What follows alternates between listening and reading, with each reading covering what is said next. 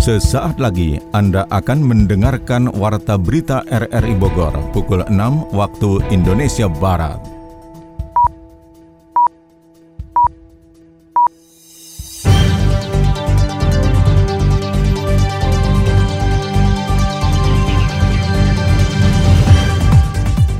Selamat pagi, saudara. Warta Berita Akhir Pekan RRI Bogor kami isi dengan rangkuman berita sepekan Minggu 29 Agustus 2021. Siaran ini juga dapat Anda dengarkan melalui audio streaming RRI Play dan juga bisa Anda dengarkan kembali melalui podcast kami di Spotify, Anchor, Podtail, dan Google Podcast. Rangkuman berita sepekan RRI Bogor ini juga turut disiarkan Radio Tegar Beriman, Kabupaten Bogor. Bersama saya Mukhlis Abdillah, inilah rangkuman berita sepekan selengkapnya. Saudara, rangkuman berita sepekan kita awali dari Cisarua, Puncak Bogor. Jumlah warga penerima suaka politik asal negara Timur Tengah di wilayah itu bertambah.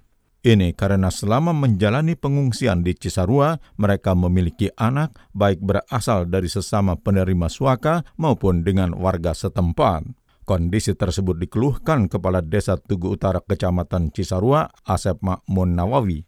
Banyak warga yang melahirkan tanpa memiliki ayah dalam akte lahirnya lantaran orang tua laki-lakinya adalah WNA penerima suaka politik baik dari Afghanistan maupun dari daerah Timur Tengah lainnya. Sementara dari pihak perempuan penerima suaka, mereka mendapatkan surat dari kedutaan besar negara mereka di Indonesia.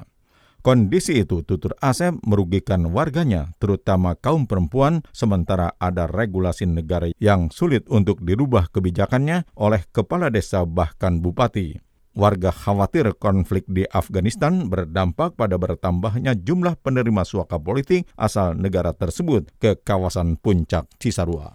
Hanya dikasih enak begitu dia dapat keturunan itu masa suku anak tuh. Jadi ini masalah di masalah hukum. Tapi kan juga anak ibu, anak ibu ya. ya. Yang dirugikan sebenarnya pihak dari kita perempuan. Karena laki ini semangkat misalkan ke negara nanti balik.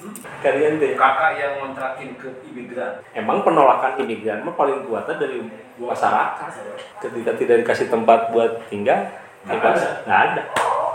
Dari pemerintah nggak bisa ngalangi. Saat ini diperkirakan ada 300 warga asal Afghanistan penerima suaka politik di Desa Tugu Utara Puncak Cisarua Bogor.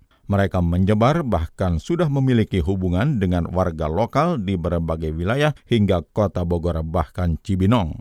Keberadaan mereka semakin eksis dengan menikahi warga lokal dan membuka usaha di wilayah tersebut.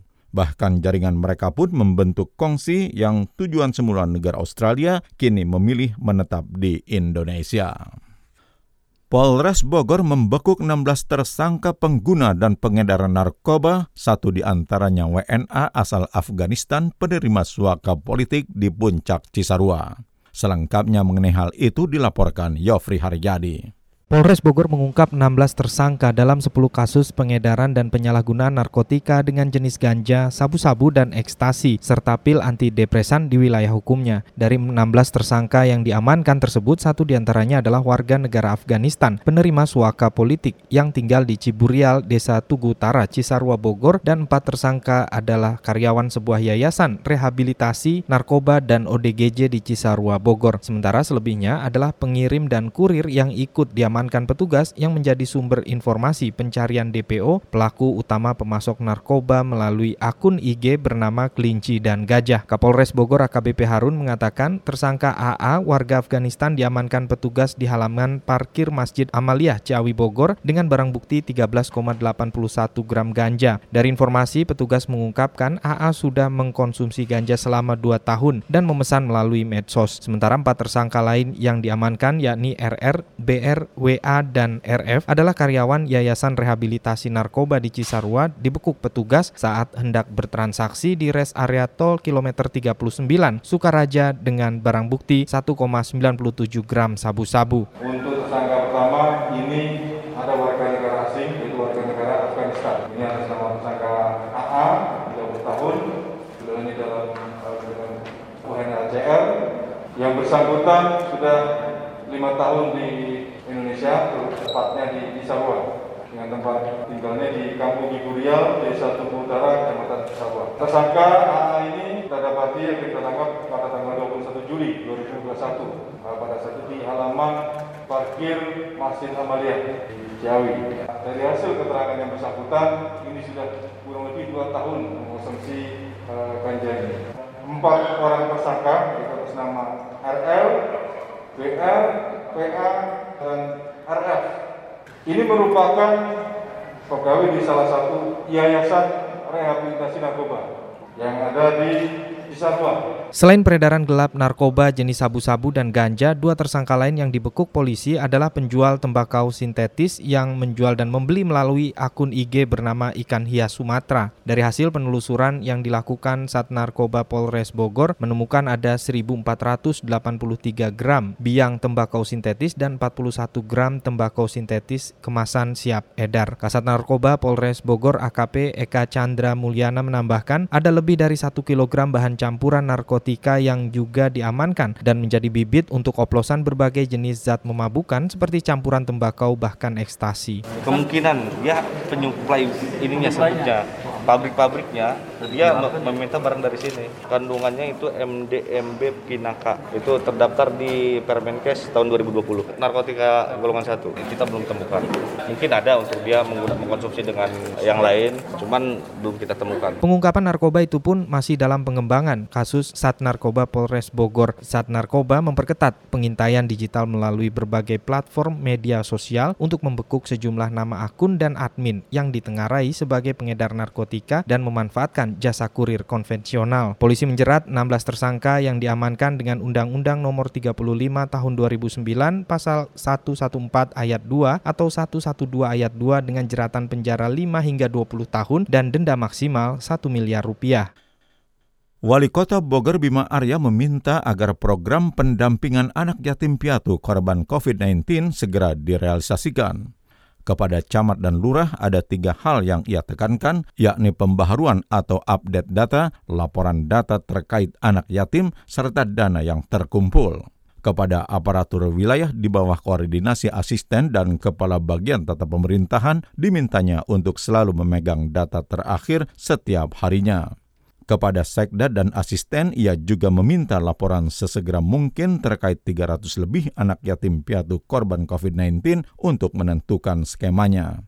Seperti bantuan apa saja yang mereka butuhkan, serta merekap dana yang sudah terkumpul, dan dalam satu minggu ke depan, ia tambah Bima meminta laporannya sudah tersedia. Selain data terkini, aparatur wilayah juga diminta wali kota untuk mengunjungi dan memetakan anak yatim piatu di wilayah masing-masing mengingat kondisi dari anak yatim piatu itu berbeda-beda. Wisata Kebun Raya Bogor telah dibuka kembali, pengunjung belum diwajibkan menyertakan surat vaksinasi. Kita simak catatan Adi Fajar Nugraha. Setelah ditutup sejak 3 Juli 2021 atau saat pertama kali diberlakukannya PPKM darurat, wisata Kebun Raya Bogor secara resmi telah dibuka kembali pada Sabtu lalu. General Manager Corporate Communication and Security PT Mitra Natura Raya Kebun Raya Bogor, Zainal Arifin mengatakan, dibukanya kembali wisata KRB tetap dengan aturan protokol kesehatan yang ketat. Pihaknya melakukan pembatasan pengunjung yang berwisata dan berolahraga, di mana satu rombongan hanya diperbolehkan maksimal 4 orang. Zainal menambahkan, semua fasilitas publik di Kebun Raya Bogor juga telah mendapat mendapatkan perawatan penyemprotan disinfektan secara berkala. Kebun Raya Bogor sejak Sabtu dan Minggu ini diperkenankan untuk menerima sahabat kebun raya yang ingin berolahraga. Tentu kami sangat berterima kasih kepada pemerintah kota dengan aturan protokoler kesehatan yang sangat ketat dan juga aturan-aturan terkait dengan pengunjung yang diperkenankan masuk ke kebun raya yang ingin berolahraga dengan ketentuan empat orang dalam satu kelompok. Mungkin itu untuk menjaga kerumunan dan uh, physical distancing. Operasional Kebun Raya Bogor dibuka setiap hari kerja pada pukul 8 hingga 16 dan akhir pekan pada pukul 7 hingga 16 dengan akses melalui pintu 1 dan 3. Sebagai informasi, pihak KRB belum memperlakukan syarat khusus seperti surat vaksinasi bagi pengunjung, namun setiap pengunjung yang datang wajib melakukan protokol kesehatan ketat dan tidak berkerumun. Pelaku usaha di Bogor menyambut baik diturunkannya level PPKM dengan diperbolehkannya objek wisata kembali beroperasi. Berikut catatan Yofri Haryadi. Penerapan PPKM yang diperpanjang hingga akhir Agustus 2021 ini dan diturunkan levelnya menjadi tiga menjadi harapan baru bagi pelaku usaha khususnya yang bergerak di bidang pariwisata. Salah satunya diperbolehkannya objek wisata untuk kembali beroperasi, bahkan restoran dan rumah makan diperbolehkan untuk menampung tamunya lebih besar. Industri pariwisata terutama bidang kuliner diharapkan dapat kembali bangkit, meningkat lagi omsetnya serta pemasukannya. Dikatakan Bupati Bogor Ade Yasin saat panen raya cabai di Kecamatan Cigombong Bogor apabila menurunnya harga komoditas pertanian dan perkebunan, salah satunya diakibatkan menurunnya penjualan akibat pembatasan jam operasi dan larangan makan di tempat, serta para pengelola usaha memilih tutup untuk menekan biaya operasional. Dilonggarkannya pengetatan juga akan mendongkrak naiknya permintaan dan harga bahan baku dalam industri kuliner di Kabupaten Bogor. Alhamdulillah dengan PPKM level 3 ini ada kelonggaran ya untuk usaha. Mudah-mudahan harga-harga hasil tani juga naik lagi setelah masuk cabai. Pemkab Bogor memfasilitasi bantuan-bantuan yang sifatnya uh, untuk kelompok seperti alat-alat pertanian, traktor dan lain-lain yang memang bisa dimanfaatkan oleh para petani. Bibi sendiri juga ada dari Stan Horbon dan pupuk juga untuk meningkatkan semangat para petani yang memang disupport khusus juga uh, untuk meningkatkan uh, pertaniannya apalagi di masa sekarang kan lagi bagus udaranya juga ya. Selain mengungkapkan rasa optimisnya akan pulihnya ekonomi di Kabupaten Bogor, terutama para petani dan pelaku agribisnis, Bupati Ade Yasin juga memastikan bantuan dan upaya untuk meningkatkan produktivitas tanaman pangan dan hortikultura di Kabupaten Bogor. Sementara itu, Ketua PHRI Kabupaten Bogor Budi Sulistio menambahkan melalui surat edaran tersebut, wisatawan yang masuk Kabupaten Bogor tidak lagi dihantui oleh rasa takut untuk berwisata. Mungkin dari masyarakat sendiri ada kekendoran mungkin terjadi, gitu loh. Dari berlakunya edaran itu memang agak kendor lah yang pada mau berkunjung. Kabupaten Bogor sudah cukup layak untuk mencabut secara perlahan pembatasan dan penyekatan dalam menekan pandemi COVID-19 melalui pelaksanaan vaksinasi COVID yang masif dilakukan dengan target 100 ribu orang per hari serta keterisian tempat tidur atau bed occupancy ratio BOR di sejumlah rumah sakit rujukan COVID-19 turun 32,67 persen yang artinya sudah sangat efisien dalam penanganan pandemik dan pasien COVID yang sebelumnya mencapai 100% bahkan lebih. Saya Kadisub Kota Bogor, Haji Eko Prabowo bersama RRI Radio Tanggap COVID-19. Saya berharap sesuai tugas pokok fungsi saya, berharap masyarakat bisa menaati aturan-aturan berdasarkan protokol COVID, apa yang boleh dan apa yang tidak boleh, apa yang harus dilakukan dan apa yang tidak harus dilakukan. Tetap tinggal di rumah, ulah ke mana-mana kalau nggak perlu. Keluar rumah harus pakai masker untuk kepedulian, sayang pada keluarga, sayang pada sesama. Terima kasih. Saudara, Anda tengah mendengarkan rangkuman berita sepekan dari Radio Republik Indonesia Bogor. Dalam upaya mengurangi dan mengelola sampah plastik, pemerintah Kota Bogor menandatangani perjanjian kerjasama deklarasi Plastic Smart Cities dengan Yayasan World Wide Fund for Nature WW Indonesia. Program tersebut merupakan inisiasi WWF Indonesia bekerja sama dengan kota-kota di seluruh dunia untuk menjauhkan plastik dari alam. Dengan penandatanganan tersebut, Kota Bogor menjadi kota pertama di Indonesia yang mendeklarasikan penerapan Plastic Smart Cities. Penandatanganan dilakukan Wali Kota Bogor Bima Arya dan Ketua Badan Pengurus Yayasan WWF Indonesia Alexander Rusli di Balai Kota Bogor pertengahan pekan ini. Usai penandatanganan, Bima menegaskan kita harus melangkah jauh bukan hanya kepedulian, tetapi juga aksi untuk memastikan rantai pengelolaan sampah semakin kuat dari hulu ke hilir. Ini langkah maju dan momentumnya sangat tepat ketika pada masa pandemi kita ujarnya menjadi concern dengan kesehatan masyarakat atau public health dan kebersihan lingkungan. Bima mengakui pengurangan sampah plastik terinspirasi dari kota lain di Indonesia, salah satunya kota Banjarmasin. Menurutnya, deklarasi Plastic Smart Cities menjadi beban sekaligus tantangan. Dirinya tegas Bima tidak ingin deklarasi tersebut hanya sekadar seremoni yang tidak diikuti dengan aksi nyata dan tidak menjadi solusi. 400 penyandang disabilitas Kota Bogor mendapatkan alokasi prioritas vaksin COVID-19 yang merupakan hibah pemerintah Uni Emirat Arab. Catatan selengkapnya disampaikan Ade Fajar Nugraha. Ratusan penyandang disabilitas di Kota Bogor mendapatkan vaksinasi COVID-19 yang merupakan hibah dari Uni Emirat Arab. Vaksin berjenis Sinopharm itu diberikan kepada penyandang disabilitas dari semua kelompok umur, mulai anak-anak hingga orang dewasa. Wali Kota Bogor Bima Arya mengatakan vaksinasi masal COVID-19 bagi penyandang disabilitas merupakan bentuk perhatian khusus pemerintah kepada semua warganya tanpa terkecuali untuk memberikan perlindungan dari pandemi COVID-19.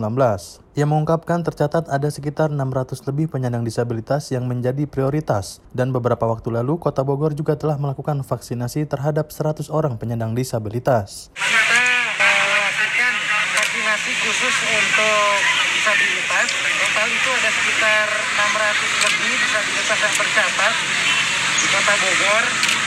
Dan kemarin-kemarin sudah sekitar seratusan. Yang hadir di sini sekitar 400-an.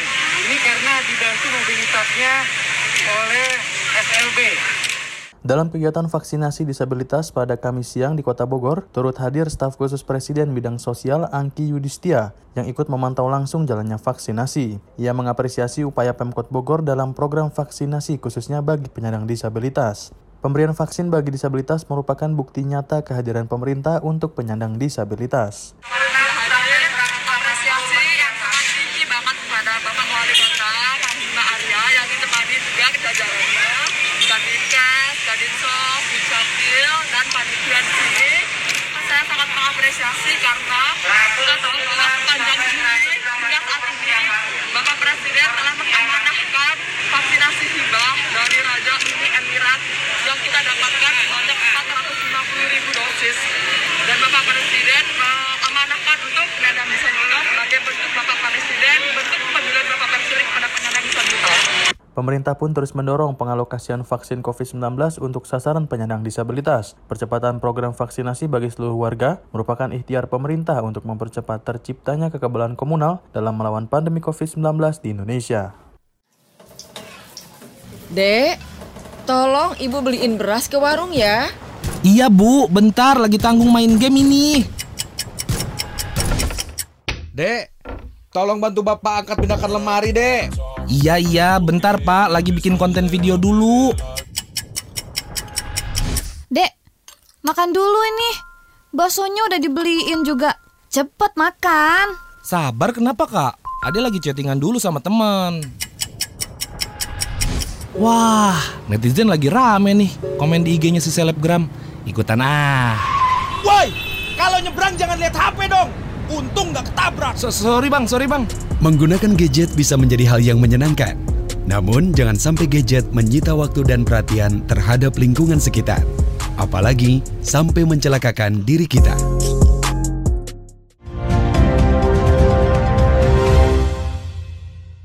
Pemerintah kota atau Pemkot Bogor terus melakukan percepatan vaksinasi dalam membentuk kekebalan komunal atau herd immunity. Guna mendekatkan akses lokasi vaksin dengan warga, Pemkot membuka sentra vaksin di 68 kelurahan sekota Bogor. Sasarannya usia 12 tahun ke atas atau diutamakan usia 12 hingga 17 tahun dengan menggunakan vaksin Pfizer. Pelaksanaan vaksinasi digelar pada 26 hingga 28 Agustus di setiap kelurahan dengan target 300 warga setiap kelurahan disuntik vaksin.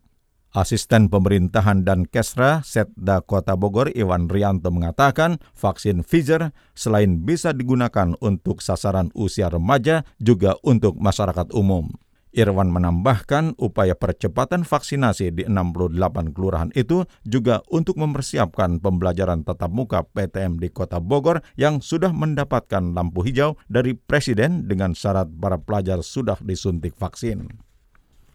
Sementara itu Pemkot Bogor melalui Dinas Pendidikan atau Disdik setempat akan kembali melakukan uji coba pembelajaran tatap muka PTM menyusul PPKM Kota Bogor turun ke level 3 dari level 4 sebelumnya.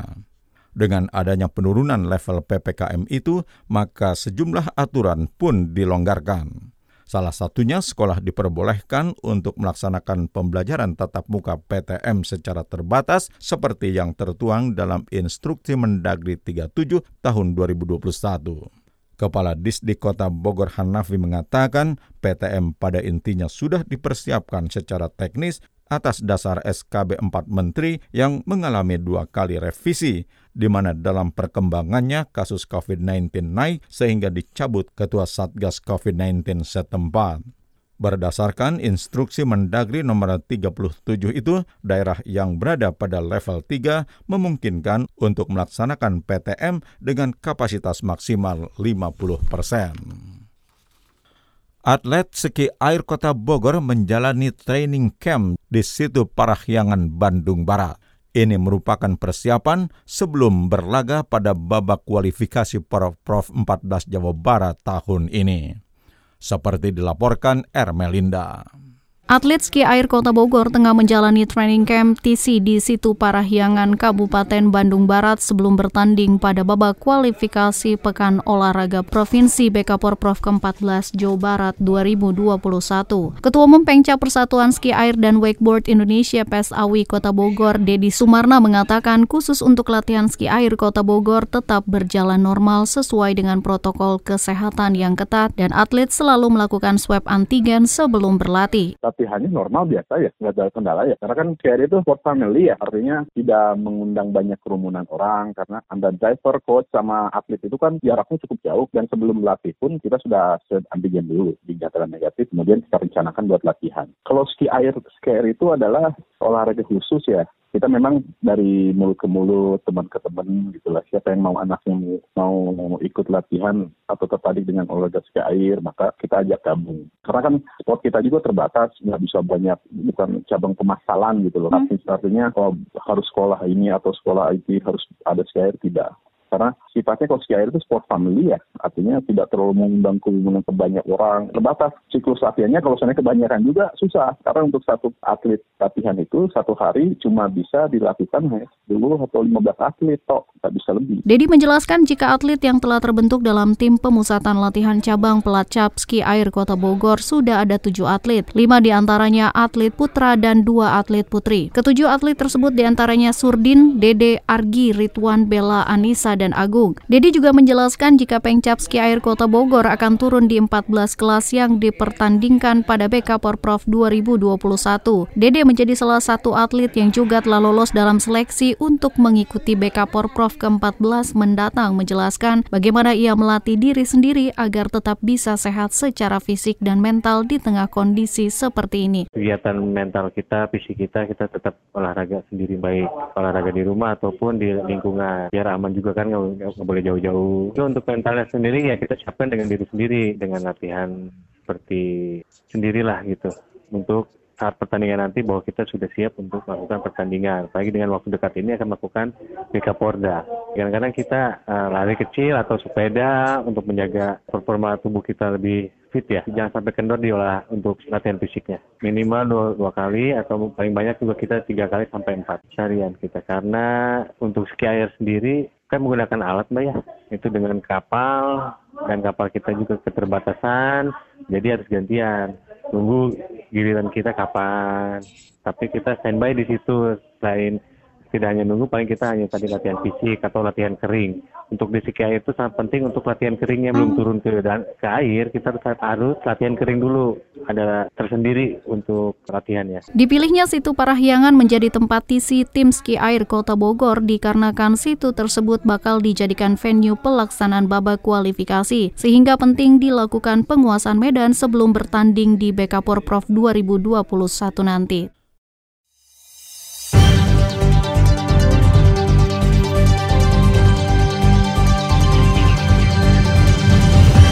Saudara, demikian rangkuman berita sepekan dari Radio Republik Indonesia Bogor. Siaran ini dapat Anda dengarkan kembali melalui podcast kami di Spotify, Anchor, Podtail, dan Google Podcast. Saya Muhlis Abdillah merangkap Des Editor bersama penata teknik Mahdi Nur mengucapkan terima kasih atas kebersamaan Anda. Selamat pagi dan selamat berakhir pekan.